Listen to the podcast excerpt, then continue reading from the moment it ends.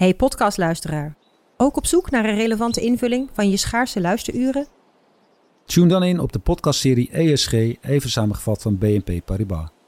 Wij, Marloes en Aldert, spreken daar duurzame voorlopers en wereldverbeteraars. Waarover dan?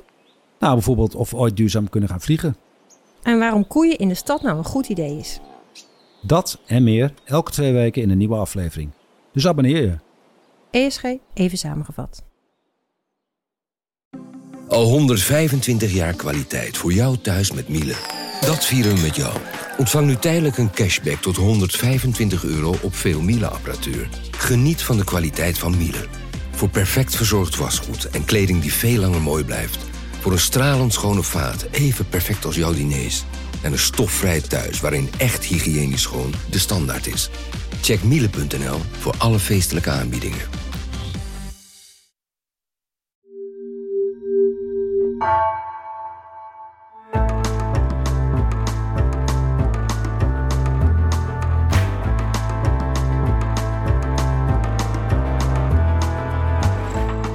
Welkom bij het uur. Je bent je brein is ons al jaren ingepeperd. Maar nu blijkt je brein wordt ook wel weer gevormd door jou, door je gedrag.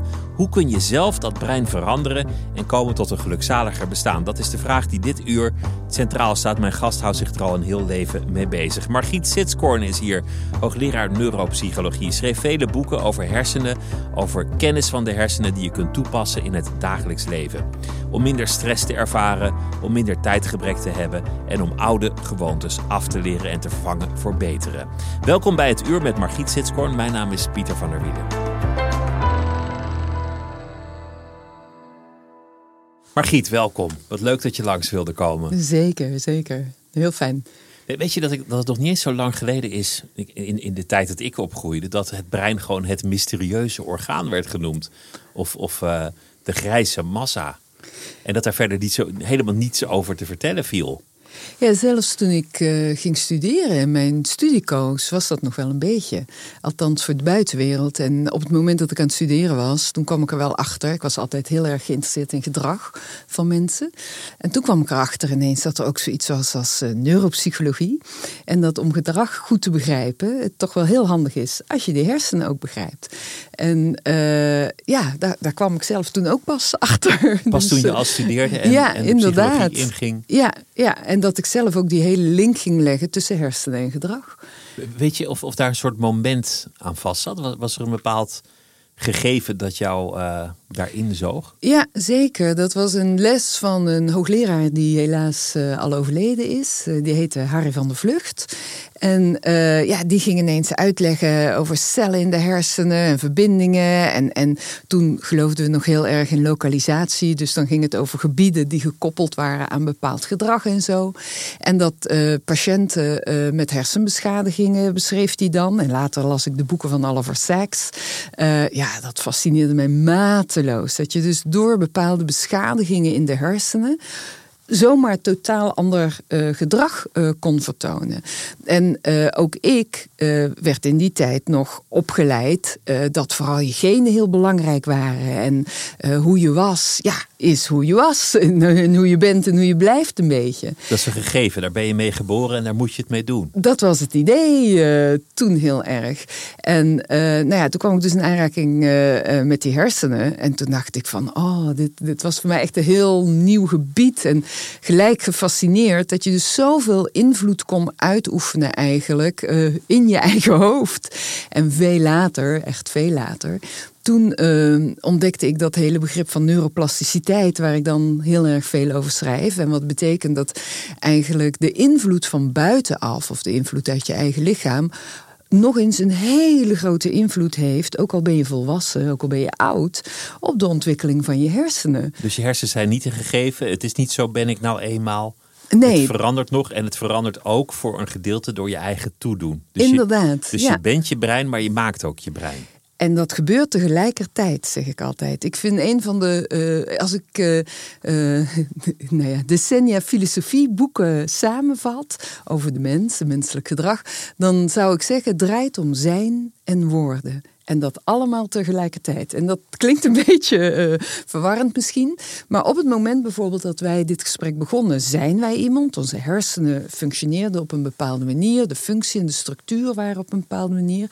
Maar door dit gesprek, en hetzelfde geldt voor de luisteraars, door te luisteren naar ons gesprek en wij met onze interactie, veranderen onze hersenen letterlijk. Dus op dit moment zijn we en worden we. En daar, dat is altijd, bij iedereen. Ja, dat is fascinerend natuurlijk. Je, je kunt natuurlijk meteen in een, in een soort filosofisch debat ontaarden van wie is dan het ik? Wat is dan het zijn? Als het ik zowel het gevolg is van het handelen en, en het zijn weer voortkomt uit het brein. Dus, dus met andere woorden, het ik vormt zichzelf. Dan, je kan je daar helemaal in verliezen. Maar misschien moeten we dat gewoon niet doen. Nee. Want, want daar komen we gewoon helemaal niet uit. Ja? in, in dat soort dingen. Je, je noemde, je noemde de, de, het brein dat, dat je karakter kan veranderen door een traumatische gebeurtenis. Het is altijd dat, dat voorbeeld van de spoorwegwerker in de 19e eeuw, die van de ene op de andere dag. Phineas Cage. Phineas Cage werd, werd een, een, een hufter, werd het, een onaangepaste man. Terwijl daarvoor was hij altijd vriendelijk, kuste zijn vrouw, uh, ging in de rechte lijn van zijn werk naar huis. En ineens was het een drankorgel die overal ruzie zocht. Ja, dat klopt. Ja, het is een fascinerende casus. zijn ook uh, hele mooie reconstructiebeelden van, van zijn hersenen. He, hij kreeg een ijzeren balk uh, door zijn hoofd. En heel specifiek is later uitgezocht welke gebieden daarbij beschadigd raakten. En, nogmaals, er zijn hele mooie animaties van. En daardoor weten we, want zijn schedel is bewaard gebleven en opgegraven samen met de ijzeren balk. Want hij is uh, begraven. Dat is ook een heel mooi verhaal, maar daar gaan we misschien niet op in. Begraven met die ijzeren balk. Omdat hij dat altijd bij zich heeft gedragen. En daar trapt hij ook mee op. Hè. En uh, een gebied. hij laten zien van dit is mij dit overkomen. Is hem, dit is mij overkomen. En kijk hier, dat gat in mijn hoofd. En nou ja, dat, dat kon hij gewoon laten zien. Daar verdiende hij zijn geld later mee. en dat ging door een gebied wat we de ventromediale prefrontale hersenschors noemen. En nog wel wat, wat meer daaromheen, maar dat was een heel belangrijk gebied. En voorheen dacht men dat dat gebied totaal niet belangrijk was voor het menselijk gedrag men wist al iets van de hersenen, maar wat die prefrontale hersenschors, dat is een gebied zo achter je voorhoofd en achter je oogkassen. Wat dat gebied nou deed, nou ja, daar was men niet achter en men dacht, nou ja, misschien een reserveonderdeel of zo. En na dat verhaal van Phineas Gage, waar dat eerst werd beschreven door artsen als, nou, er is niks aan de hand, zie je wel, dat gebied hebben we niet nodig, is later beschreven hoe hij veranderde, want dat bleek inderdaad, waar hij eerst beleefd was, de regels voor, uh, volgde, hij was voorman en, en ook een heel goed voorbeeld uh, voor, zijn, uh, voor zijn mensen. Ja, en toen ging die schelden. Uh, hij deed van alles met vrouwen, hij dronk een hoop en overtrad alle regels. Was niet langer houdbaar en werd ontslagen. Kortom, alle remmingen waren weg. De remmingen waren weg. En toen is men gaan denken: goh, die uh, prefrontale hersenschors en wat specifieker die ventromediale prefrontale hersenschors, dan moet je echt zo'n beetje ter hoogte van je ogen, erboven en achter in die oogkasten denken. Uh, nou ja, dat gebied lijkt toch wel heel erg te maken te hebben met hoe je je gedraagt. En nog veel later hebben we daar nog meer over geleerd. Maar dit, dit is wat je, wat je doelde de tijd van de lokalisatie. Hier zit dit, daar zit dat.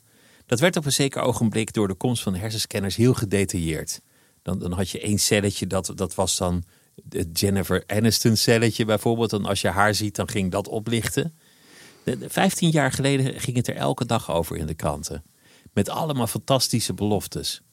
Wat is daar eigenlijk van terechtgekomen? Nou, dat we geleerd hebben dat het niet om die ene cel of dat specifieke plekje. We weten wel, sommige gebieden, als het over taal gaat, gebieden zoals Broca of Wernicke gebieden, zijn met bepaalde taaluitingen of begrip uh, betrokken. Maar we weten vooral sindsdien dat het om netwerken gaat. hersenen die bestaan uit neurale netwerken. Die neurale netwerken bestaan uit cellen. Die cellen hebben uitlopers, axonen en dendrieten noemen we dat. En die maken verbinding met elkaar. En waar ze verbinding met elkaar maken, dat noemen we de synaps. En in die synaps vindt informatieoverdracht plaats van de ene naar de andere cel. En wat gebeurt er nou? Bijvoorbeeld terwijl wij hier zitten te praten, maar ook de mensen die nou zitten te luisteren. Nou, er komen talloze synapsen bij, alleen al in dit gesprek. Dus die netwerken veranderen voortdurend onder invloed van je ervaringen en wat je doet en wat je denkt en wat je voelt. En dat weten we nu vooral, dat het om die netwerken gaat. Dus, dus de bedrading tussen verschillende cellen is belangrijker dan de cellen zelf, zou je kunnen zeggen? Niet per se, het is het geheel. Het, geheel, is heel erg belangrijk. De som der delen. Inderdaad. En uh, bijvoorbeeld, we weten dat er, er is onderzoek tegen zijn wil in, uh, ook nog eens bij de hersenen, op de hersenen van uh, Einstein gepleegd. Hij heeft zijn hersenen gedoneerd, maar wel met uitdrukkelijke wens dat die anoniem bleef. Nou, dat is helaas niet, niet ingewilligd. Uh, maar was ook te verleidelijk. Ja, heb je, ik denk je het wel. de hersenen ja. van zo'n genie liggen... en dan moet je zeggen, we gaan gewoon doen alsof we niet weten wie dat wie was. het is. Het heeft even geduurd, maar uiteindelijk weten we het dus dan toch. En daar is bijvoorbeeld ontdekt dat hij had geen grotere hersenen... wat mensen al he, dachten van, nou, die heeft zeker grotere hersenen dan. Maar dat het met name om de bedrading in bepaalde gebieden ging. En dat die netwerken ontzettend betrokken zijn bij het werk wat hij doet. En dat maakt, het, dat maakt het wel complexer. Als het gewoon was, het brein is groter, dus hij is slimmer. Ja. Of het zit in dat gebiedje, nou dat hebben we gelokaliseerd. Ja. Dat is makkelijker dan wanneer het gaat om de verhouding tussen alle gebieden en de netwerken. Zeker, uh, want dan zou bijvoorbeeld ook, uh, uh, zou je ook kunnen zeggen dat mannen slimmer zijn dan vrouwen. Als het puur om het volume en het gewicht gaat. want over het algemeen hebben mannen grotere hersenen dan vrouwen. En dat komt ook omdat er een groter lichaam is aan te sturen bijvoorbeeld. Maar het is veel complexer. Het gaat om de bedrading, de cellen, hoe die met elkaar verbonden zijn geraakt, wat gekapt wordt. Want je krijgt er niet alleen maar bij in je hersenen. Er wordt ook voortdurend gekapt. Hè? Dat heet pruning, dat is pijnloos, daar voel je niks van. En dat moet je een beetje zien als het snoeien van een rozenstruik. Als je rozenstruik hebt, of tomaten, ik weet niet zoveel hoor van, van planten en bloemen, maar dit uh, nog net wel. Dan uh, wil je tomaten en de rozen tot bloei laten komen. En daarvoor moet je soms dieven en takjes weghalen, zodat de energie naar het juiste gaat. Nou, dat gebeurt ook in de hersenen. Dat wat moet ontwikkelen, gaat ten koste van dat waar je je niet aan blootstelt. En dat wordt gepruned of overgenomen voor andere functie. Dus wat je niet gebruikt, dat verdwijnt?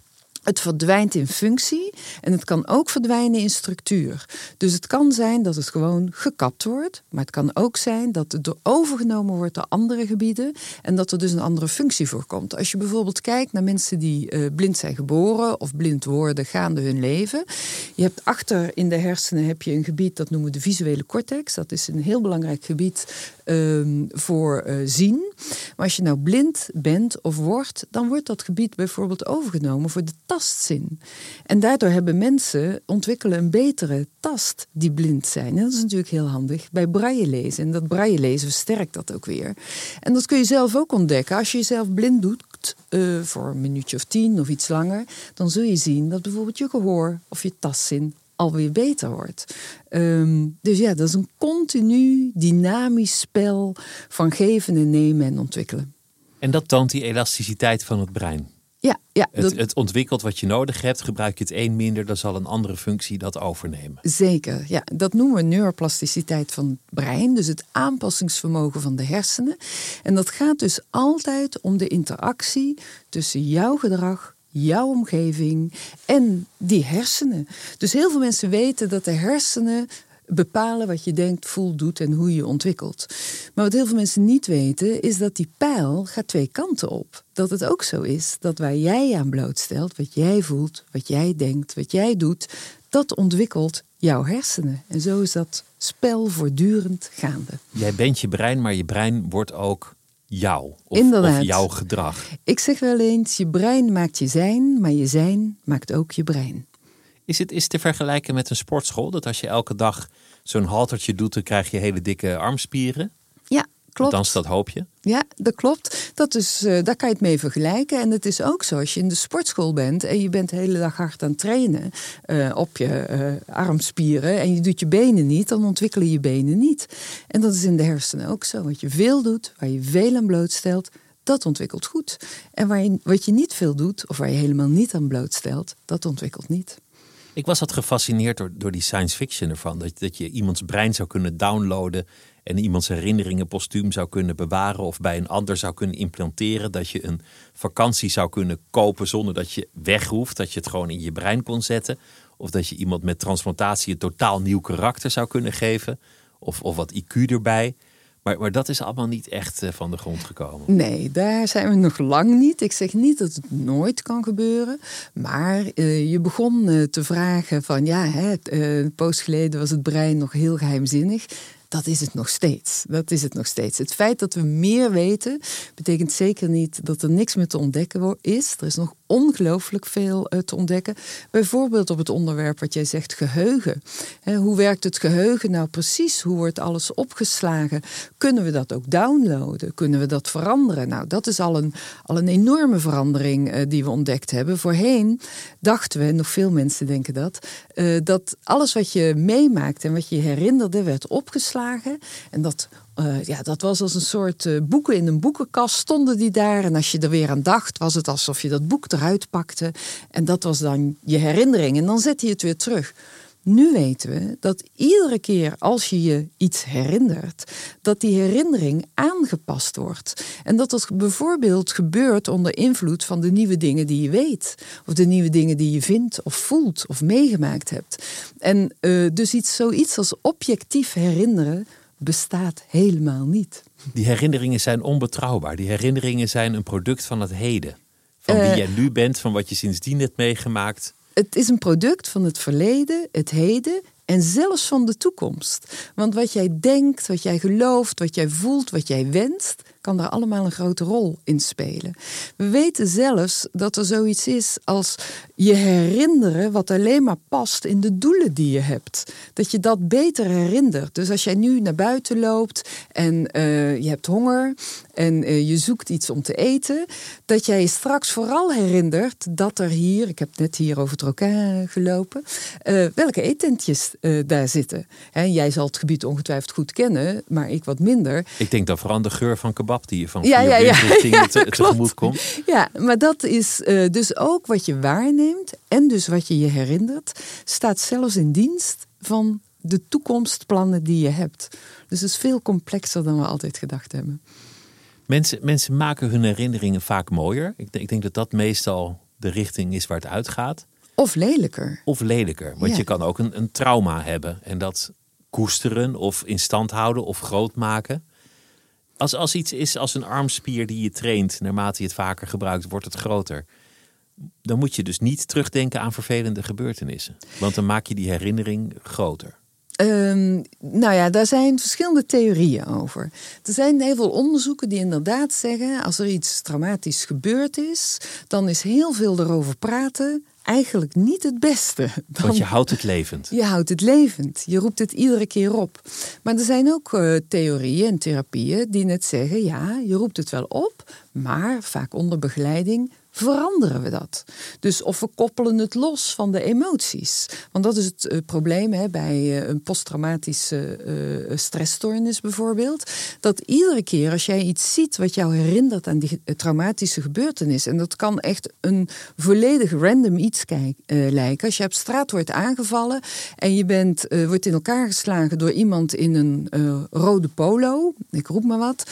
dan kun je iedere keer traumatisch gevoel hebben als jij een rode polo uh, ziet bijvoorbeeld. Omdat je herinnering gekoppeld is aan wat er toen gebeurd is en de emoties die je toen had.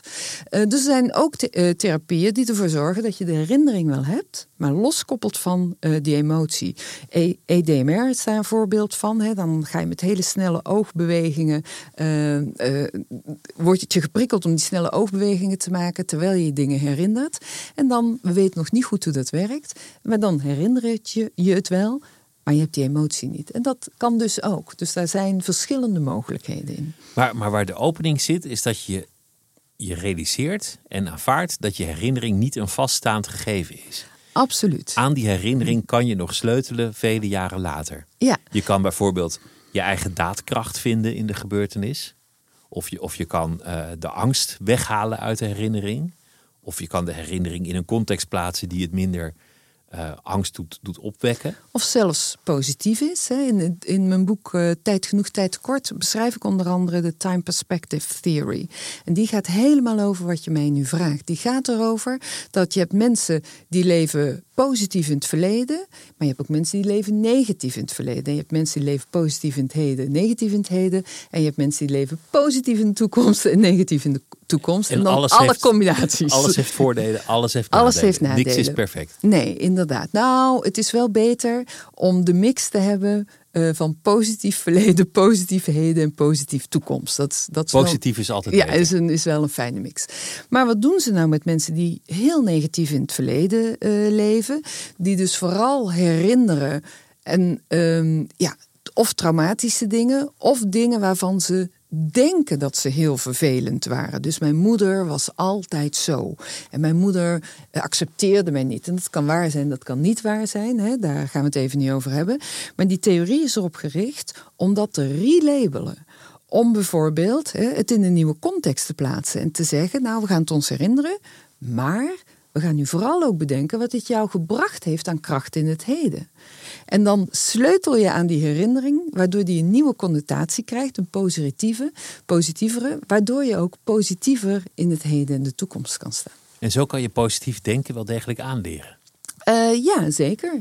En, en niet feilloos altijd. Wie denkt er altijd positief? Maar je kunt zeker, en vaak ook onder begeleiding, wel leren waar de kracht zit bij jezelf en hoe je die kan gebruiken, ook in je herinneringen. Is dat de sleutel naar positiviteit? De, de kracht in jezelf vinden in je gedachten? Ja, mm, ik weet niet. Ik vind het is erg algemeen. Hè? Ik, ik weet niet zo goed wat vanuit mijn vakgebied wat positiviteit eh, is. Wat we wel weten, is dat als je positiever over dingen kunt nadenken, dat je je beter voelt.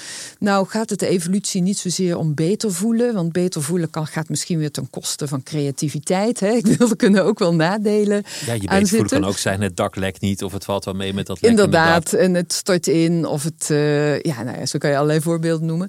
Dus ehm, ja, dat is iets te algemeen eh, gesteld. Positiviteit is goed, geeft je een lekker gevoel, maar er zitten ook eh, wellicht nadelen aan. Maar je hebt invloed op dat brein door ander gedrag. Zeker. En je hebt invloed op je denken, op je voelen en op je doen. Er zijn ook mensen die zijn veel deterministischer. Die zeggen van, nou ja, het is nou eenmaal je brein. Je hebt geen vrije wil. Je hebt er niet zoveel invloed op. Je verliest het toch van dat brein. Want, want waar zou die verandering dan vandaan moeten komen? Ja, jij bent heel positief. Ja, ik. uiteindelijk gaan we allemaal dood. Ja, ja. dat is zeker zo. Maar ja, Hoewel, onderzoek... dat is ook nog niet bewezen. Oh, Oké. Ik bedoel, Oké. het is theoretisch het is heel onwaarschijnlijk mogelijk dat wij twee nou toevallig net. Ja, oké, nee, want we zijn nog niet dood. Dus het kan nog anders, inderdaad. Maar ehm, kijk, eh, het, is gewoon, het is bewezen dat die hersenen voortdurend veranderen. Onder invloed van eh, allerlei informatie die uit je lijf komt en die eh, uit de buitenwereld komt. Ja, dat is geen kwestie van een mening meer. Dat is wel, eh, dat is gewoon bewezen. Ja. In, dat, in het boek heb je het ook over, over tijdsbeleving. Ja. Wij denken bij tijd aan een, aan een soort vaststaand gegeven, voortkomend uit de natuurwetten en afleesbaar op een klok. Maar, maar jij schrijft, nee, er is heel veel tijd in je brein. Ja. Je hebt, je hebt kloktijd, maar je Ja. hebt ook de tijd die in je hersenen loopt. Ja, je hebt verschillende vormen van tijd. Dat was voor mezelf een openbaring. Toen ik aan dat boek begon, ik begon aan dat boek omdat ik het eh, altijd best wel druk heb. En mensen mij daar ook heel vaak naar vragen. Van hoe doe je dat nou allemaal enzovoort. En toen was ik wat dingen gaan uitzoeken. En toen bleek inderdaad dat er heel veel vormen van tijd zijn. Kloktijd is de objectieve tijd. Hè, in minuten, in uren, in dagen, in jaren, in eeuwen enzovoort. En daar leven wij in het Westen voornamelijk op. We zien het ook voortdurend op ons horloge, op onze telefoon, op onze computer. Worden we voortdurend herinnerd aan die kloktijd. En we richten ons leven daarop in. Zo laat staan we op, zo laat eten we, zo laat gaan we in de file, zo laat gaan we weer naar huis, zo laat lunchen we met z'n allen. Ik stond hier net eh, beneden in de hal even te wachten. En het was eh, half één. En echt werkelijk iedereen eh, kwam de lifttijd en de deur uit om naar de lunch te gaan. Ik weet niet of iedereen honger had, maar klaarblijkelijk is half één hier tijd om een te lunchen. ja, inderdaad. iets. Maar nou heb je ook gebeurtenistijd. En wat is gebeurtenistijd? Gebeurtenistijd, het gros van de wereld leeft trouwens op gebeurtenistijd, betekent iets duurt zolang als het duurt. En dat heeft ook zijn nadelen, want als je met z'n allen een voetbalwedstrijd hebt, ja, moet je toch het liefst wel allemaal tegelijkertijd daar zijn en beginnen. En bij school is het ook handig en bij een neurochirurgische operatie ook wel, dat iedereen er gewoon eh, op hetzelfde moment Je eh, hebt is. afspraken nodig, want een voetbalwedstrijd die eeuwig doorgaat tot iedereen zich bij de uitslag neerlegt, Ja. is niet meer spannend. Is, nee, dat, dat kan niet. Maar we zijn er wel een beetje in doorgeslagen. Want wat is nou die gebeurtenistijd? Dus iets duurt zolang als het duurt. Of de tijd nodig die jij nodig hebt. Als we bijvoorbeeld kijken naar herstel, naar een operatie of een burn-out is het best wel moeilijk om daar kloktijd op te plakken. Of als we kijken naar een voorbeeld. Um, uh, mijn moeder uh, doet best veel op de iPad en ook wat op social media enzovoort. Maar soms heeft ze daar hulp bij nodig. En dat duurt zo lang als het duurt. als ik dat ga uitleggen, ja, dan duurt het zo lang als het duurt. En bijvoorbeeld je kinderen een spel meespelen of aandacht geven op een bepaald moment is nodig en kan duren zolang als het duurt. Verdriet duurt zolang als het duurt. En die balans zijn we een beetje kwijtgeraakt. Als je kijkt bijvoorbeeld eh, naar de thuiszorg, daar eh, vertelde laatst iemand mij iets over, dat er zoveel minuten zijn voor steunkousen aantrekken, zoveel minuten om de diabetescheck te doen. En als iemand dan zegt van, goh, ik ben zo ontzettend verdrietig, want mijn partner is uh, vorige week overleden. Ja, dan begin je al onrustig te voelen, want je hebt maar zoveel minuten en je moet door. Ja, dat is wel schrijnend. Dat, is, uh, dat, dat, de klok een dictatuur is geworden. Absoluut. Als je hoort de pakketbezorger um, dat hij betaald krijgt uh, per hoeveelheid, per tijdseenheid. Uh, en dat hij daardoor gevaarlijker rijdt, bijvoorbeeld, of pakketten maar voor de deur zet. Ja, dat, dat is toch niet iets wat we willen. En er zijn nog vele voorbeelden van te geven. Een vriend van me in Italië vertelde dat zijn vrouw moest bevallen, maar dat daar uh, niet meer wordt bevallen als het kind zich aandient, maar dat er met de gynaecoloog een afspraak wordt gemaakt voor een keizersnee. Op een bepaald moment, op een bepaald uur. En ja, dan wordt dat kind gehaald. Dan wordt de natuurlijke aandrang gewoon met voeten getreden. Ja, en dat, ja, daarvan kun je afvragen: willen wij onszelf um, terugbrengen tot een productiefactor? Want dat is natuurlijk met Taylor begonnen in de vorige eeuw. Hè. Hoe kunnen we zo efficiënt mogelijk uh, produceren? En hoe is de mens daar een radartje in? Hoe kun je optimaal productie uit die mens halen? Nou, dat kan en daar kun je productieprocessen voor inrichten. Maar is efficiëntie het enige mensbeeld wat wij hebben. Ik bedoel, de mens heeft uh, warmte nodig, aandacht nodig, kinderen hebben dat nodig, de buurman heeft het nodig. En als hij tien keer gevraagd heeft, kun je mij helpen met het versjouwen van het tuinhek, doet er mij niet toe. En je zegt iedere keer, ja, maar sorry buurman, maar vandaag moet ik, nou vul maar in, ik moet naar mijn werk, ik ben op weg naar uh, wat dan ook. Ja, is dat wat we willen? Zijn we uitsluitend productiefactoren? Of maar, maar je zou, je zou nog het, het, het, kunnen negeren in sommige vrijere beroepen wellicht dat je eet als je honger bent, gaat slapen als, als je begint te gapen, opstaat als je uitgerust bent. En zo kan je dat doortrekken. Hoe werkt tijd in het brein?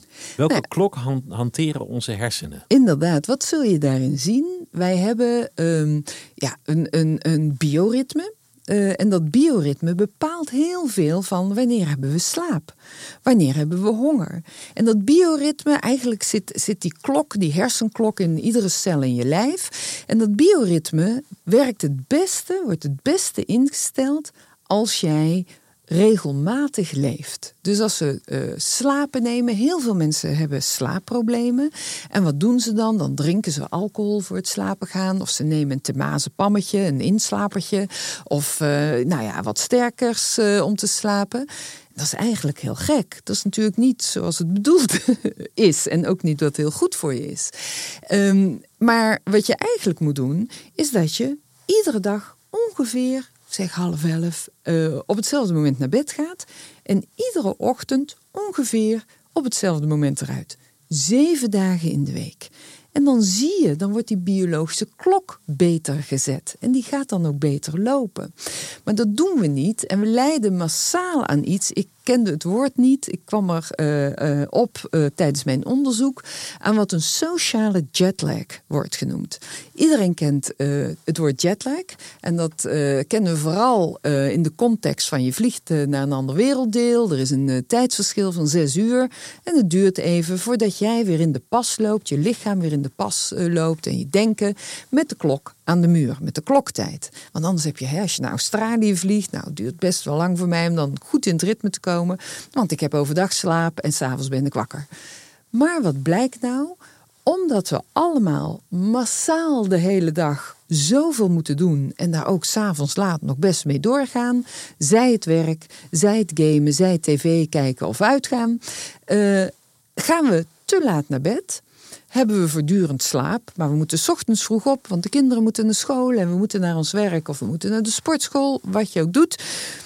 En dan krijgen we gewoon te weinig slaap, waardoor we altijd moe zijn. En dan denken we heel vaak: weet je wat, ik ben geen ochtendmens. Ik ben eigenlijk een avondmens. Want ochtends ben ik altijd moe. Maar dat is gewoon slaaptekort bij de meesten. Maar ze bestaan toch wel avondmensen? Zeker. In, in het boek zul je een, eh, er staan allemaal QR-codes in het boek. En daarmee kan je kijken op allerlei fronten hoe jouw biologische tijd is, hoe jouw klok, uh, subjectieve tijd is. Kan je allemaal voor jezelf uitmaken. En dan kun je ook kijken of je een ochtend- of een avondmens bent. Ja, nou, de meeste mensen zijn ochtendmensen. Je hebt je hele, dat is heel uitzonderlijk, hele vroege ochtendmensen. Dus vier uur, vijf uur s ochtends. De meeste mensen zijn zo rond zeven uur, acht uur eigenlijk gewoon fit en klaar als ze genoeg slaap krijgen. Als ze dat niet krijgen, zijn ze dat niet. En dan zie je bij uh, kinderen in de puberteit verschuift die klok van ochtends naar later. Dus die worden veel later, zijn die eigenlijk pas uh, ja, optimaal om op te staan en te presteren.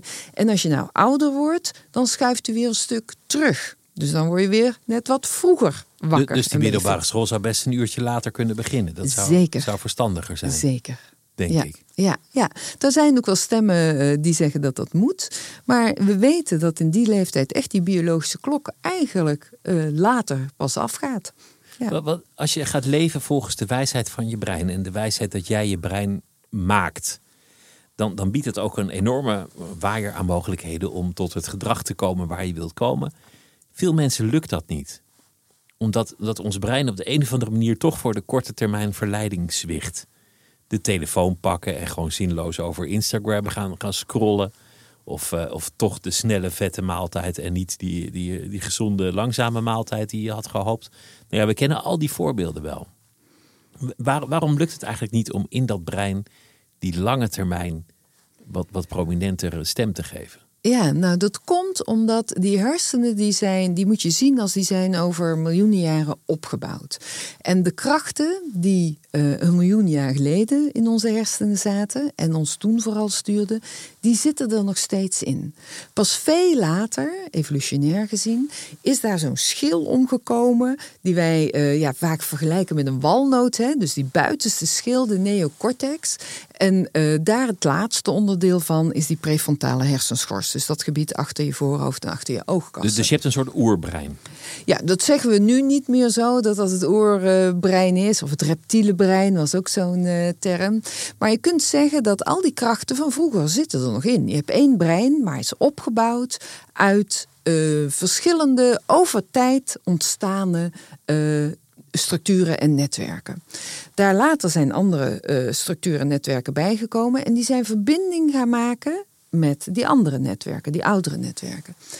Nou zijn er oudere netwerken die ongelooflijk sterk je gedrag stuurden toen en nu nog steeds.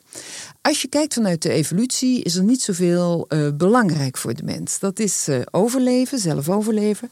En uh, het is heel erg belangrijk om je voor te planten, want anders houdt het ook snel op met de mensheid.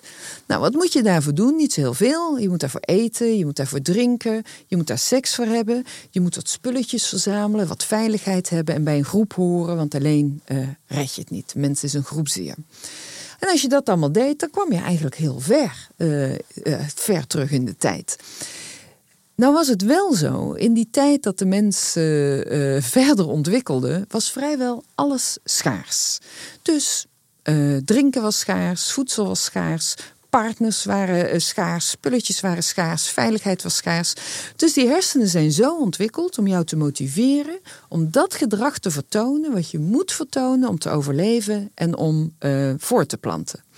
En dat betekent, zodra jij iets zag met uh, vet, zout of suiker, of als jij iemand zag in een uh, gewillige positie, een, een, een metingkans, uh, dan werd je genotsysteem geprikkeld. Dus een, een systeem diep in je hersenen. En dat systeem werd geprikkeld en dat systeem zegt zoiets als: kom op, ga ervoor. Ga er nu voor, nu meteen. En dat was heel belangrijk, want in die tijden van schaarste, als je er niet meteen voor ging, was je kans verkeken. Dan was het weg. Je prooi was misschien weg. Of iemand anders uh, had het al gepakt en opgegeten. Dus je moest meteen handelen. Die kracht zit nog in ons aller brein. Dus, dus we zijn altijd gepreoccupeerd met eten, snelle calorieën, seks, ja. de groep, sociale interactie. Dus dat is volgens mij een heel groot deel van ons brein dat daarover ja, gaat. Zeker. En dat moet je dus verder trekken dan alleen maar uh, eten wat voor je neus staat. Dat moet je zelfs ook trekken naar status.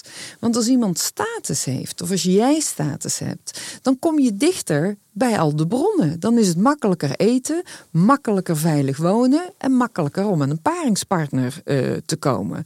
Dus alles wat ons status brengt. Hè, ik uh, reed hier net naartoe en ik zag toch uh, behoorlijk zo over het Roquin. En ik zag behoorlijk mooie auto's rijden. Nou, ik ben er niet zo gevoelig voor, maar sommige mensen wel. En als je hier loopt, zie je allerlei merkkleding bijvoorbeeld, waar je meer voor betaalt dan voor niet-merkkleding. En dat komt omdat het je status brengt. En op het moment dat je status, uh, status prikkelt dat genotsysteem heel hard. En zorgt ervoor dat je makkelijker komt bij al die dingen die je nodig hebt om voort te leven en voort te planten. En met dat brein probeer je dan te concentreren op je examen. Wat je moet leren, of de belangrijke opdracht of de presentatie die je moet houden. Kortom, een hele cognitieve taak die gewoon puur zakelijk belangrijk is. Ja. Maar die, die niet gehoorzaamt aan al die prikkels. Ja, en dan komt er op je mobiele telefoon uh, voorbij dat uh, Kim Kardashian uh, nieuwe borsten heeft. Of dat je nu bij FIFA 2023 extra packs kan halen met goede spelers. nou ja, hè, waar je ook in geïnteresseerd bent. En dat leidt jou af. Want dat geeft jou direct de kans om status te verhogen of die dingen te doen die je moet doen, die je van oudsher moest doen om voor te leven en voor te planten. Je bent weerloos, want daar zitten ontwerpers achter, grote bedrijven die, die de hele dag met niets anders bezig zijn Zeker. dan jouw aandacht te kapen. Maar je bent niet weerloos. Ja, dat is hun, zeker hun verdienmodel. Um, niet en we weerloos, zeg je? Niet weerloos. Zullen we zo wat verder op ingaan als het mag? Want er zit nog wat meer aan. Aan de ene kant, ik heb nu alleen nog het genotsysteem verteld, wat jou heel dag prikkelt. Maar er is nog iets wat enorm uh, ons prikkelt en dat is het pijnsysteem. Want om te overleven leven moet je niet alleen uh, lekker eten, of niet eens lekker, je moet eten, drinken, seks hebben enzovoort. Uh, maar je moet ook gevaar vermijden. Je moet vermijden dat je lichaam beschadigd raakt hè, door scherpe voorwerpen of door vuur of door een, een gewelddadige groep die op je afkomt. Je moet vermijden dat jouw status naar beneden gaat, want dan wordt alles moeilijker. Je dat je uit de groep wordt gegooid. Dat je uit de groep wordt gegooid. Dus je bent ook nog eens de hele dag bezig met het scannen naar al die dingen die belangrijk kunnen zijn, die jouw gevaar kunnen brengen. Dus het is belangrijk om bij te houden of er een terroristische aanslag ergens is. Alleen, als je statistisch bekijkt, maar de hersenen ja, gaan niet aan op uh, statistiek, althans bij de meeste mensen niet, dan uh, is het eigenlijk de kans dat jij in een, in een uh, terroristische aanslag omkomt, is heel erg klein. Maar als je de hele dag beelden binnenkrijgt van geweld, op wat voor manier dan ook, hoeft niet alleen terrorisme te zijn, dan krijgen die hersenen de hele dag het signaal opletten, opletten, daar opletten, want het kan heel gevaarlijk zijn. Het visuele systeem van oudsher kreeg altijd binnen wat op dat moment gebeurde. Want we hadden geen tv, we hadden geen fototoestellen, we hadden geen uh, deepfakes. Dus je kreeg binnen wat op dat moment gebeurde. Dus dat visuele systeem is heel erg bezig met wat je ziet, is eigenlijk waar. Nou, ook daar worden we de hele dag overladen. Niet alleen met uh, uh, lekkere prikkels, die je genotsysteem uh, prikkelen, maar ook met pijnlijke prikkels die onze aandacht direct trekken. Het is heel erg moeilijk om niet op clickbaits te reageren, want daar zit dat allemaal in.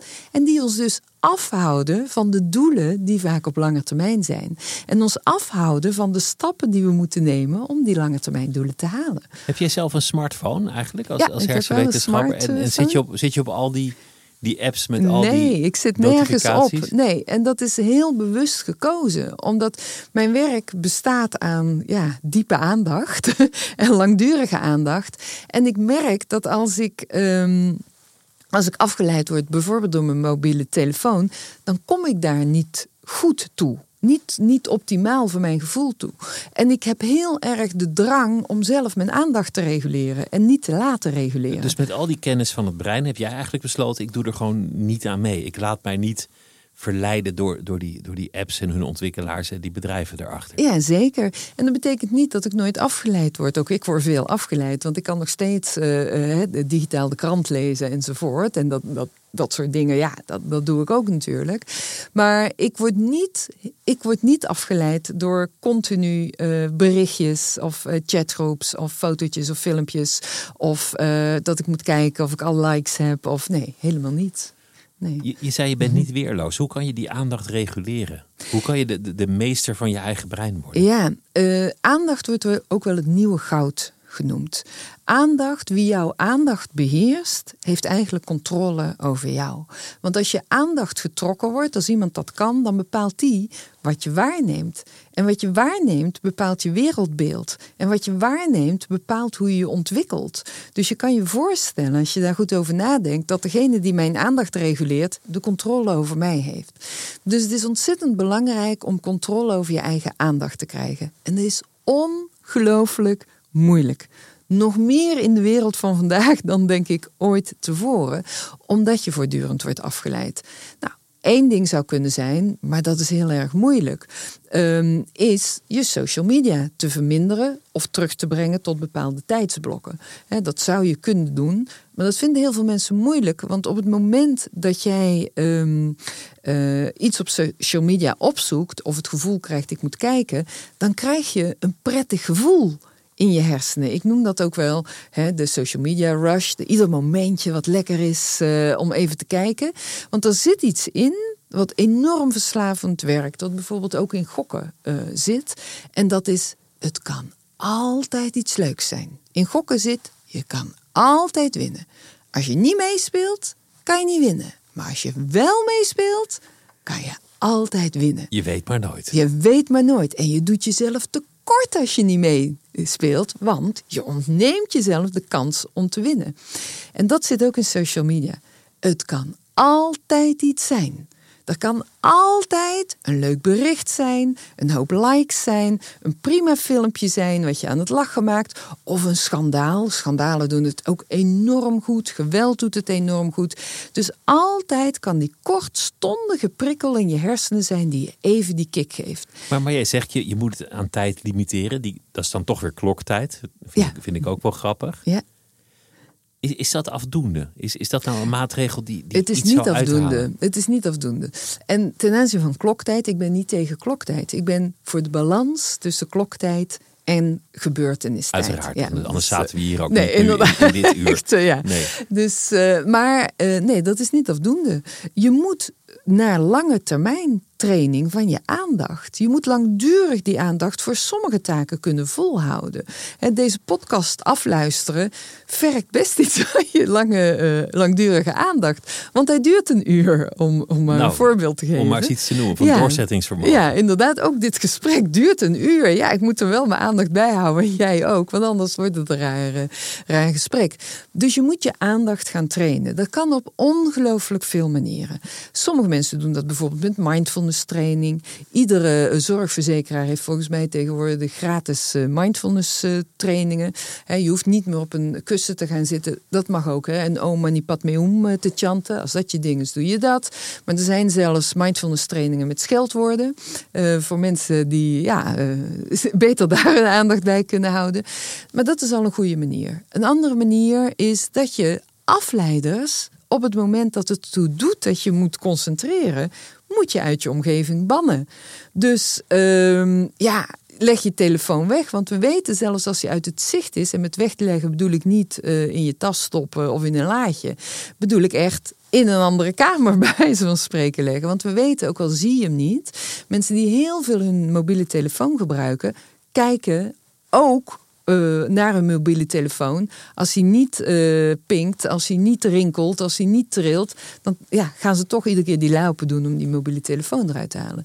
Dus bescherm jezelf. Zorg dat datgene wat jou triggert om afgeleid te worden, dat dat uit je omgeving is. Dus zorg ook dat er geen snoep in huis is. Of, als dat of je alcohol, afleidt, als dat je zwakte ja, is. Inderdaad. Dat er geen, geen rokers in de buurt zijn als je daarvan af En wil. denk ook niet dat dat zomaar gaat. Je hebt over de meeste dingen van je gedrag die je opgebouwd hebt tot automatisme, ja, dat heb je duizend, tweeduizend, tienduizend, vijfhonderdduizend keer gedaan. Dus dat afleren, dat weer richten, gaat met vallen en opstaan. Letterlijk. uh, bij vallen en opstaan, toen je leerde lopen, viel je duizend keer en iedere keer krabbelde je weer op. En dat moet je ook in je hoofd nemen als je je gedrag wil veranderen. Want zo zal het gaan. Het kost tijd.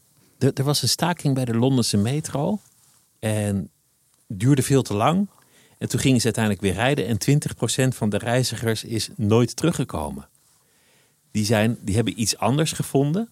Zijn gaan lopen, wat ze dan aanvankelijk waarschijnlijk vervelend vonden. Of een fietsje gekocht, of misschien de auto, of de bus. Je weet het niet. Maar na een paar weken was dat de nieuwe gewoonte. En lukte het ze niet meer om terug te gaan naar de oorspronkelijke ja. route. Ja, en dat vind ik zo interessant, dat, dat je kennelijk de ene gewoonte gewoon toch na een tijdje kunt vervangen voor de ander. En dan is dat de gewoonte en dan kijk je nooit meer terug. Ja, dat, dat klopt. En het ligt er wel aan. Hè, kijk, als je het hebt over dingen die echt verslavend zijn. Ja, dat, Dat- blijft dat wel hard werken hoor. Ja, ja. In, de, in de hersenen. Hè? Want eh, je hersenen blijven gevoelig eh, voor dingen die verslavend zijn. Maar zeker, je kan automatisme veranderen. En het beste verander je ze voor iets wat je ook iets oplevert. Als we eh, teruggaan naar het voorbeeld van de metro dat je net gaf. Als dat lopen er ook nog eens voor zorgt dat je je 10.000 stappen per dag haalt. En dat was je doel. Ja, dan zit er ook nog een beloning aan. Of als jij merkte dat je na weken niet met de metro te zijn geweest. Dat je eh, beter adem haalt. Of dat je ehm, eh, vijf kilo bent afgevallen omdat je nu de fiets pakt. En je wilde dat graag. Dan is dat belonend. Of dat je komt langs een eh, mooie heer ja, die je wel prettig vindt. En die met jou een stukje oploopt allemaal mooie reinforcers om dat te blijven doen. Dus probeer ook dat als je eh, je gedrag probeert te veranderen, probeer het te vervangen met dingen die jou wel degelijk iets opleveren. En daar geldt ook weer, wat je korte termijn iets oplevert, is altijd makkelijker om naartoe te veranderen dan wat je de lange termijn Maar het, iets het oplevert. is leuk dat je 10.000 stappen noemt. Want dat, dat is nou net waar, waar de smartphone kan helpen. Omdat die telt. Of dat precies klopt, weet ik niet. Maar dat neem ik gewoon even aan dat dat zo is. En die geeft je dan een fijne beloning aan het eind van de dag. Hoera! Je hebt je 10.000 stappen gehaald. Ja, ja dus kijk, eh, het kwaad zit natuurlijk niet in de smartphone of in, in digitale media. Daar zit het kwaad niet in.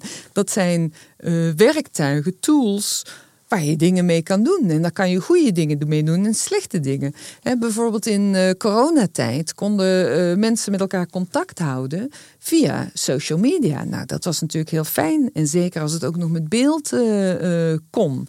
Ehm, of Teams altijd zo heel fijn is en fijn blijft, zet ik wel mijn vraagtekens bij. Want daar zaten ook wel nadelen aan. Maar we konden allemaal door blijven werken. En de, de wereld bleef draaien. Dus het kwaad zit niet in, in, in social media. Alleen, hoe ga je ermee om? En wat jij eerder ook zei, er zijn hele bedrijven zitten achter ja, jouw gedrag vormen. En daar weerstand aan bieden, ja, dat is nogal wat. Maar het Aandacht wel. is het, het nieuwe gaat. We hebben het nu over best wel individualistische dingen. Het gaat, het gaat best wel over. En, en, en heel veel van die boeken die over dit onderwerp verschijnen, zijn zo van: nou ja, jij wil slanker worden, fitter, efficiënter, rijker, succesvoller. Het gaat allemaal over het ik. En dus een beetje ook over het ego. Maar maatschappelijk is er natuurlijk ook heel veel te zeggen over hersenen. Jouw omstandigheden maken ook je brein. Niet alleen jijzelf. Als je arm bent, dan, dan zal dat uiteindelijk ook gevolgen hebben voor de keuzes die je maakt. Voor de manier waarop je kijkt, de aandacht die je richt. Al die dingen. Dat is, dat is een razend interessant onderwerp. Zeer interessant, want het heeft ook te maken met grote vragen als verantwoordelijkheid en moraliteit. We weten dat als je in armoede opgroeit, hè, zeker als je jong bent, zijn je hersenen zeer neuroplastisch. Dus die zijn voortdurend aan het vormen. Voortdurend komen daar cellen bij, voortdurend komen daar verbindingen bij, voortdurend wordt er van alles gekapt. En dat gebeurt onder invloed van waar je aan blootgesteld wordt. En dat is trouwens bij volwassenen ook zo. Alleen bij kinderen is dat nog sterker uh, hoe dat werkt. We weten dat als jij in armoede opgroeit, dat jouw hersenen anders ontwikkelen. Dat met name gebieden waar ik het eerder over had, die prefrontale hersenschors en diepere gebieden, bijvoorbeeld de stresssystemen en de verbindingen tussen die gebieden, dat die anders ontwikkelen, waardoor jouw gedrag anders ontwikkelt. En we weten dat mensen die in armoede opgroeien door de stress van alle dag en door je moeten richten op, op de korte termijn, want daar spelen de belangrijke, je moet eten, je moet wonen, je kind moet nieuwe schoenen, dat daardoor je vaardigheden ook veranderen. En wat is nu het ontzettende problematische? Dat je vaardigheden vaak zo veranderen dat je steeds minder goed op de lange termijn kan denken en steeds beter op de korte termijn kan denken. Waardoor het steeds moeilijker wordt om uit de situatie te komen waar je in zit. Omdat er op die korte termijn een probleem is. De eindjes komen niet aan elkaar, de huur moet betaald worden, uh, er moet, moet eten komen, al dat soort dingen. Het raakt ook nog aan de dingen die je eerder noemde, sociale schade, status. Enorme sociale schade. Kan je wel mee met schoolreisje, ja. dat soort dingen? Heb je de juiste kleren aan? Uh, bijvoorbeeld um, uh, gezinnen die van het water worden afgesloten, betekent dat je je niet meer kunt wassen. Daar moet je eens bij stilstaan. Wat voor enorme consequenties dat ook sociaal uh, heeft. Nou, dat dat alles, en daar komt nog bij dat dat heel veel stress veroorzaakt. En die stress maakt dingen kapot in de hersenen. Het is niet zo dat er alleen maar bij komt in die hersenen. Er kunnen ook dingen, dingen kapot. En stress maakt hersencellen kapot en maakt verbindingen kapot, waardoor het nog moeilijker wordt om bepaalde dingen goed te doen. Het wordt steeds moeilijker om je emoties goed te reguleren. Ik, ik, als ik wel eens over armoede praat tegen mensen, dan leg ik uit: denk nou eens hoe het is als jij een nacht slecht geslapen hebt of een week stress hebt van iets, wat het, wat het ook is. Daar word je niet heel veel aangenamer van. Daar word je prikkelbaarder van. Je kan wat minder goed denken. En dat treedt al op na een week. Dus armoede maakt je dommer. Dat is, dat is onaardig om te zeggen. Het, het, het is zo kort door de bocht. Is, is niet het juiste woord. Want het maakt je slimmer voor de context waar je in zit. Je wordt ongetwijfeld beter in allerlei probleemoplossende dingen in die context. Je wordt goed in overleven. Bijvoorbeeld. Dus in die zin slimmer. Je wordt goed in omgaan met al die beperkingen waar je in zit. En dat heeft allemaal zijn grens. Op een gegeven moment houdt ook dat op natuurlijk. Maar voor de lange termijn, wat heb je nou net nodig in onze maatschappij voor de, om goed succesvol te overleven? En met succes, als ik over succes, eh, succes spreek, heb ik het altijd over de brede definitie van succes. Dan heb ik het over goed voor jezelf zorgen, je gezond uh, gedragen, zorgen voor de gezondheid van de mensen om je heen, je doelen bereiken, uh, goed uh, voor je vrienden zorgen, wat geld verdienen. Dus hè, dat is wat breder dan alleen maar geld en grote auto's. Het, het is breder dat begrip. Maar daarvoor hebben we lange termijn denken en lange termijn ontwikkeling nodig. Daar hoort scholing bij bijvoorbeeld. Daar hoort, waar we het eerder over hadden, korte termijn geneugten op opzij zetten voor langetermijn uh, doelen. Nou, en dat wordt moeilijker.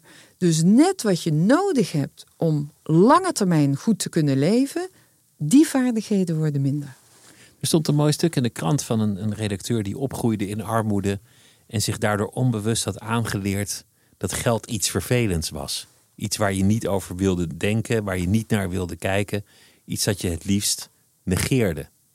En hij zei dat is eigenlijk een slechte keuze geweest. Maar dat, dat kwam omdat geld altijd het moeilijke, stroeve gesprek was. Waar ruzie uit voortkwam, spanning.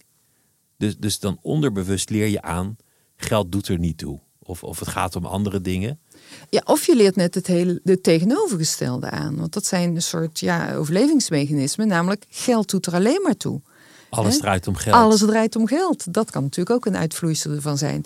Maar het belangrijkste, denk ik, van wat ik wil zeggen, is dat armoede de hersenen verandert. en daardoor de vaardigheden en de toekomst van individuen en van ons allemaal verandert.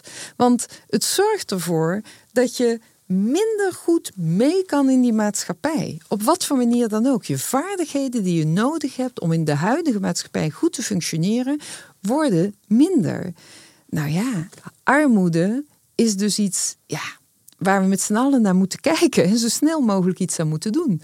Sinds 2019 uit mijn hoofd, uh, dat is dus uh, net zo voor corona en uh, die coronajaren en daarna oorlogen, allerlei dingen die in de wereld spelen momenteel, neemt de armoede wereldwijd, maar ook in Nederland weer enorm toe. En armoede is dus geen kwestie van ja, kom op jongens, je moet gewoon wat harder werken. Armoede gaat zoveel verder en moeten wij misschien met ons allen als onze verantwoordelijkheid zien om zo snel mogelijk iets aan te doen. Een op de zes gezinnen kan al niet meer rondkomen hè, op dit moment. Dus, dus zo groot is het. Ja, dat 400.000 mensen per dag met honger naar bed gaan in Nederland. Dat, dat is nogal wat, hè? Ja, daar schrik ik wel van. Ja, ik ook. En dat uh, zijn dan niet iedere dag dezelfde mensen, maar gemiddeld 400.000 mensen per dag met honger naar bed. Welk grote inzicht hoop je nog mee te maken? Oeh. Wat zou je nog opgelost willen zien? Wat is nou het, het, het, mysterie waar je van droomt als, als neuropsycholoog? Ja. nou, als, ik, als ik dat eens. Ja, waar ik van droom en waar we ook. Uh, hè, ik ik uh, werk aan Tilburg University en uh, nou ja, alle mensen waar ik mee samenwerk op ons departement. Wij werken heel hard aan het vinden van hoe we die neuroplasticiteit van de hersenen optimaal kunnen inzetten. Want wat we nu vooral weten en ook nog steeds onderzoeken, is we weten dat die neuroplasticiteit er is. We weten dat je die hersenen kan vormen door invloeden van buitenaf. Maar wat moeten we nou precies doen om de mens in bepaalde situaties ja, te helpen om optimaal, optimaal is een, een relatief woord, dat, dat, dat ik moet zeggen, om beter te functioneren, een betere kwaliteit van leven te hebben, beter met elkaar om te gaan. Je had het net over dat heel veel gericht is eh, op het individu. Maar we weten ook uit al ons onderzoek dat dit het contact tussen mensen zo ongelooflijk belangrijk is. Ook voor een goede ontwikkeling van de hersenen. Dat, dat, is, dat is een van de meest bevredigende dingen die je in je brein kan tegenkomen, is sociale interactie echt contact maken met mensen. Dus uh, niet vluchtig uh, alleen maar op social media echt contact maken met mensen. Wij hebben dat nodig, nogmaals, wij zijn groepsdieren. Uh, dat prikkelt je genotsysteem enorm. En echt contact, zeker voor opgroeiende kinderen, is ja, haast net zo belangrijk als goed voedsel. Dus op schoot, omhelst worden, over je bol geaaid worden, echt gezien worden, dat er naar je geluisterd wordt. Dat er niet via een mobiel schermpje zo naar je gekeken wordt en dan af en toe zeg je aha. Nee, echt contact. En niet alleen met kinderen, met elkaar, met je ouders, met op de sportschool, in de moestuin, op je werk. Nou, het maakt me niet uit. Ik vind het zo grappig dat je dit zegt, want dit was ooit een kersttoespraak van, van toen nog koningin Beatrix. Daar, daar werd toen door, door een aantal mensen heel spottend op gereageerd. Van nou, die wordt ook oud. Oh, nou, die, die kan ook niet meer meekomen. Maar zij zei, we, we communiceren met likes en korte berichtjes via apparaten. En steeds meer onderzoek geeft haar gelijk. Ja, ze heeft gelijk gehad toen. Ze, was niet zo, zo oudbollig. Nee, zeker niet. Wat we zien, en je ziet in de ontwikkeling van de mens, dat daar um, eigenlijk een verandering steeds meer naar het individu komt. Ik heb wel eens een column geschreven naar aanleiding van een boek van Mythos van uh, zijn naam is me even ontschoten. Uh, ach, hoe heet die nou? Nou, je, je, je bedoelt de Britse Ja, inderdaad, ja. die bedoel ik. Maar ik, weet, ik kom even niet op zijn naam. Stephen Fry. Stephen Fry. Uh, en die uh, schreef daarin over haardvuur en kampvuur. Dat wij vroeger heel vroeger zaten we met de stam bij het kampvuur. En dan kwam je bij elkaar en dan om je te warmen. En daar was het eten. Dus iedereen kwam daar. En toen later werd dat de centrale verwarming. En nog later had iedereen op zijn kamer. Eerst was dat alleen nog beneden de kolenkachel en, en de beneden radiatoren misschien. Maar later had iedereen dat op zijn kamer. Waardoor je steeds minder bij de groep hoefde te zijn. En nu zie je dat bijvoorbeeld bij, met de tv. Vroeger, uh, zoals ik opgroeide, had je één tv en s'avonds zat je met z'n allen voor die tv, was je bij elkaar, nadat je gezamenlijk uh, het avondeten had gegeten. En nu hoeft dat ook niet meer, want iedereen kan op zijn computer, zijn iPad, uh, zijn telefoon kijken naar wat hij wil op de plek waar hij wil. En ik ben dus verder gaan kijken hoe dat is ontwikkeld in de hersenen. En als je kijkt naar de hersenen, dat zie je heel vaak zo. Die hersenen zijn maar een klein orgaan, die moeten alles doen. Um, dat dingen die met elkaar te maken hebben, ik zal zo precies uitleggen wat ik bedoel, dezelfde gebieden gaan innemen. Dus wat is er gebeurd in de hersenen? De gebieden die fysieke warmte verwerken, die zijn later ook sociale warmte gaan verwerken. Dus het bij elkaar zijn. Dus wat vroeger de metafoor van het haardvuur waar mensen omheen zaten, dat is fysieke warmte en sociale warmte. Je zit daar in gezamenlijkheid. Dat wordt in de hersenen dezelfde gebieden, ik wijs hier naar insula enzovoort, in dezelfde gebieden verwerkt. En daar is heel grappig onderzoek over gedaan. Onderzoek bijvoorbeeld, als je iemand een kopje warme thee geeft in zijn handen, dan wordt dus dat gebied uh, geprikkeld wat uh, uh, fysieke warmte verwerkt. Maar wat blijkt, mensen worden ook socialer. Die gaan eerder anderen helpen. Die gaan eerder een geven aan een goed doel. In die hersenen, omdat dat hetzelfde gebied is, ja, treedt daar, je zou verwarring kunnen noemen tussen het een en het ander. En daarom is als je een date hebt, voor het haardvuur zitten, ja, heel erg fijn. Want dat komt over. Je hebt die fysieke warmte, en je roept gelijk die sociale warmte op. En waarom leg ik dit zeer uitgebreid uit? Je ziet het trouwens ook in taal. Als je het in, uh, dat schrijft uh, Stephen Fry ook. Als je naar uh, Latijn en Grieks kijkt, dan zijn woorden voor haard en huis vaak woorden die afgeleid zijn van elkaar. En in het Nederlands, haard en hart bijvoorbeeld, zijn ook woorden die ja, afgeleid zijn maar, van maar elkaar. alles raakt gecompartimentaliseerd. Dus je, je hebt je eigen schermpje, je eigen kacheltje. Je kijkt tv op je telefoon, als, als, als je het dan nog tv moet noemen. En daardoor, daardoor verdwijnt dat sociale aspect steeds meer. Ja, daardoor heb je nog wel de fysieke warmte, maar niet meer de sociale warmte. En dat, dat, dat wordt eigenlijk steeds verder op alle vlakken doorgevoerd. Als ik ook kijk naar uh, eten en koken en, en hoe wij nu doen, heel vaak bestellen. Je hebt geen flauw idee eigenlijk wat er echt in zit, hoe het dus gemaakt je verliest is. het contact met Je verliest met volledig het contact. Echt volledig. En dat gaat nog veel verder. Wij doen ook op de afdeling heel veel taalonderzoek. Als je uh, je kind vroeger meenam naar de supermarkt en je kocht tomaten, uh, ik roep maar iets, dan, dan, en dat kind zit in dat karretje, dan zeg je, oh kijk, uh, mama of papa kookt tomaten. Oh, het zijn ze mooi rood en ruiken eens hoe lekker ze ruiken. En als je ging koken, zei je, nou kijk, ik snij ze door tweeën of door vier en dan gaan ze in de pan, eerst door de zeef. Wat zeg je al die tijd? Je geeft aan uh, groentenamen. Je geeft kleuren, leer je het kind. Je leert wiskundige begrippen door de helft, door vieren. Uh, je leert handelingen. Nou, in contact op je met de natuur, contact met, met klimaat. Contact met elkaar, alles zit erin. Contact met voeding.